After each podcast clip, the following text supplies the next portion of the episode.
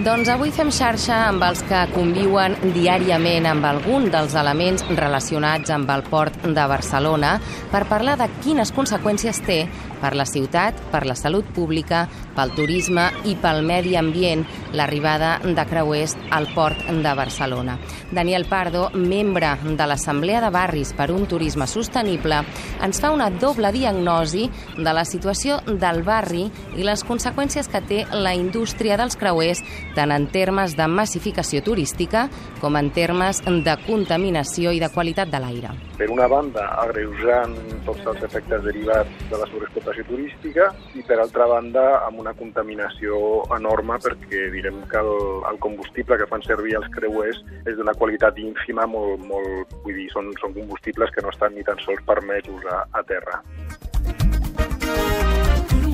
El, el port en això té un, una posició de superioritat i de paternalisme molt gran. Acostuma a dir que, clar, que els veïns són, ben, són ben intencionats, però que no, sabe, no en sabem d'això, etc. Quan nosaltres vull dir, ho veiem, ho respirem cada dia, veiem la, la capa de contaminació, coneixem dades, encara que siguin puntuals, de la ciutat i d'altres ciutats i sabem que és un problema seriós tant a nivell de massificació com a, a nivell de contaminació. El port rep unes 800 escales l'any. Mar Pérez és la responsable de creuers del port de Barcelona. Sento a vegades algunes xifres que em sorprenen moltíssim perquè et diria que en els últims 8 anys ens hem mantingut en el número de passatgers ha variat entre els 2,4 milions de passatgers i els 2,6 milions de passatgers. 2,7 vam fer eh, l'any passat i el mateix resultat, inclús una miqueta més baixet, farem aquest any. Mar Pérez comenta que l'any 2014 el Port i la Universitat de Barcelona, amb la col·laboració de Turisme de Barcelona, van fer un estudi per analitzar l'impacte econòmic dels creuers creuers aporten uns 800 milions d'euros a l'any i donen, per exemple, una taxa d'ocupació de 7.000 llocs de, de feina a temps complet. Per tant, penso que són molt positius per a la nostra ciutat, però, òbviament, com tota activitat, té també les seves externalitats. Per tant, el que hem de fer és intentar arreglar aquestes externalitats i intentar que, doncs, que aquesta activitat vagi doncs, cada vegada millor. Però per, per mi són absolutament positius per a la nostra ciutat.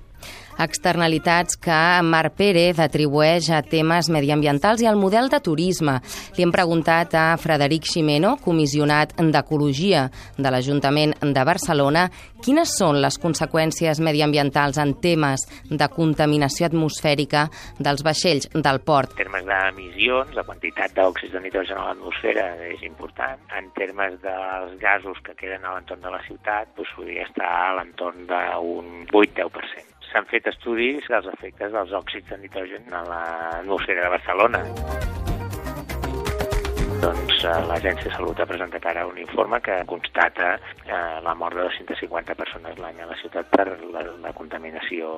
atmosfèrica. Per tant, l'aportació al port és, dels vaixells que arriben al port és proporcional a la seva contribució en, aquest, en aquesta quantitat d'òxids de nitrogen que tenim a l'atmosfera. Sembla que s'han començat a moure coses i assumir compromisos. En aquest sentit, al mes de gener d'aquest any, totes les administracions, Generalitat, Ajuntament, Àrea Metropolitana i l'Autoritat Portuària, van fer un acord per fer front a la contaminació atmosfèrica. El que hem de fer és exigir-nos tots plegats les, i amb compromisos d'acció per cada una d'aquestes administracions que vam signar. L'autoritat portuària es va comprometre a implantació ràpida de combustibles alternatius, particularment gas natural, a connexions elèctriques des del moll als vaixells atracats, bonificacions als, als vaixells que amb millor comportament ambiental i en segon terme també es va comprometre a tota una sèrie d'actuacions als dies de, d'episodis de contaminació que des de l'Ajuntament considerem insuficients eh, clarament, però que com a mínim ha d'estar clar que, que s'activen en, el, en els casos d'episodi de, de contaminació. Patim una saturació turística i que hem d'abordar-ho amb moltes polítiques que s'estiran a l'Ajuntament, però que també el port ha de fer la seva reflexió com com ja hem reclamat en el Consell d'Administració del Port, la tinent d'alcalde Janet Sanz, que és allà, com per exemple no ampliant el nombre de, de molls per passatgers. Silent, silent, silent Raval. Silent, silent, calle Hospital. Els barris més propers al port pateixen directament les conseqüències de l'arribada de creuers. Les primeres manifestacions van començar fa 3 anys i denunciaven que l'arribada de creuers agreujava un problema de salut dels veïns recolzant-se en un estudi impulsat per la Federació de Veïnes i Veïns de Barcelona i Ecologistes en Acció. El port de Barcelona eh, no es considera part de la ciutat a nivell de jurisdicció. Daniel Pardo considera que, tot i que l'Ajuntament de Barcelona té veu i vot dins el Consell d'Administració de l'Autoritat Portuària de Barcelona, hi ha altres majories que condicionen decisions que els afecten. Però és majoria la Generalitat, l'Estat i, el, i el sector privat, que són qui majoritàriament, per exemple, ara recentment, han aprovat l'ampliació la, del moll adossat per a la construcció d'una nova terminal, que nosaltres hem fet uns certs càlculs juntament amb Ecologistes en Acció i la Plataforma per la Qualitat de l'Aire i calculem que, tot i que diguin que no és amb aquesta finalitat, a partir de, de, de la infraestructura que això permet, podria d'aquí uns anys eh, multiplicar per dos l'afluència de, de creuers. I quan això es va aprovar, la, la resposta de la Generalitat, que va, va recolzar l'aprovació la, de l'ampliació del moll adossat, va ser que no ens havíem de preocupar, que tot això ja estava calculat i que era un tràmit, però que això venia de lluny i que ja estava, d'alguna manera, ja estava als seus plans. L'empresa que, que té ara un, un interès més declarat públicament és precisament la que ha portat a l'ampliació del moll adossat, perquè això es fa per a la construcció d'una nova terminal específica de MSC Creuers, que és una empresa enorme, que és, que és Mm, s'ocupa més habitualment de mercaderies que no pas de creuers, tot i que també té creuers, i que sembla que ha decidit que ara és estratègicament interessant desenvolupar encara més la part de creuers, i aleshores aquesta nova terminal seria exclusivament per a MSC Creuers. Hi ha, hi ha un cert punt que el, el fet que el port, la part de creuers sobretot estigui com mig amagat, que només des del mateix port o des del litoral es veuen els creuers perquè està com mig amagat pel Montjuïc, eh, fa que també a nivell físic el port de Barcelona a nivell de creuers tingui la mateixa opacitat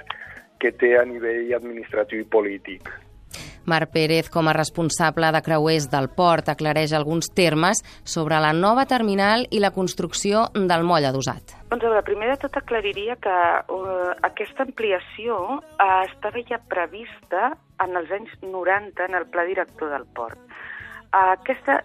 ampliació seria l'ampliació del moll adossat, que és absolutament necessària per l'activitat del port, uh, sigui o no sigui per l'activitat de creuers això també ha de quedar molt clar. Aquesta ampliació en cap cas es fa eh, per a fer l'obra de MSC, la terminal. O sigui, són dos projectes que són separats absolutament i que, i que ja et dic, o sigui, que es necessita aquesta ampliació per a l'activitat del port, entre altres coses, per exemple, pels ferris. Barcelona, Barcelona, i per parlar també de les conseqüències de l'arribada de creuers pel model turístic de la ciutat, hem contactat amb Agustí Colom, regidor de Turisme, Comerç i Mercats. Els creuers que arriben a la ciutat deixen creueristes en trànsit que s'estan entre 4 hores i 5 hores a la ciutat. Per tant, aquests impacten fortament en l'espai públic, tenen un poc recorregut dins de la ciutat i, i a més, deixen molt poc rèdit. Per això nosaltres a la ciutat de Barcelona intentem potenciar que el port de la ciutat actuï més com a port base, que seria l'altre conjunt de creueristes, aquells que utilitzen eh, la ciutat com a punt de destí o punt d'arribada, tenen menys impacte en l'espai perquè el seu domini és el conjunt de la ciutat, inclús en molts casos sortir fora de la ciutat, i per tant deixen també molt més redit a la ciutat i en aquest sentit doncs, el seu impacte eh, positiu és major i el negatiu és menor. Aquest és el tipus de turisme que vol potenciar l'Ajuntament de Barcelona, segons el regidor de Turisme Agustí Colom. un turisme que sigui exigent i, per tant, doncs que el seu, el seu allotjament sigui un allotjament legal i, per tant, que no utilitzi allotjaments pisos turístics il·legals, que sigui un turista, un turisme que sigui eh, que garanteixi la convivència i, per tant, que faci un ús de la ciutat doncs, en sentit convivencial amb el, amb el resident, tingui un rendiment en el conjunt de la ciutat que sigui el més positiu possible. Recordem que l'Ajuntament de Barcelona ha creat el Consell de Turisme i Ciutat, un òrgan de participació ciutadana, obert i divers, creat amb l'objectiu de debatre quin és el model de ciutat que es vol i quin és el desenvolupament turístic que més s'adequa a la ciutat. Cartropé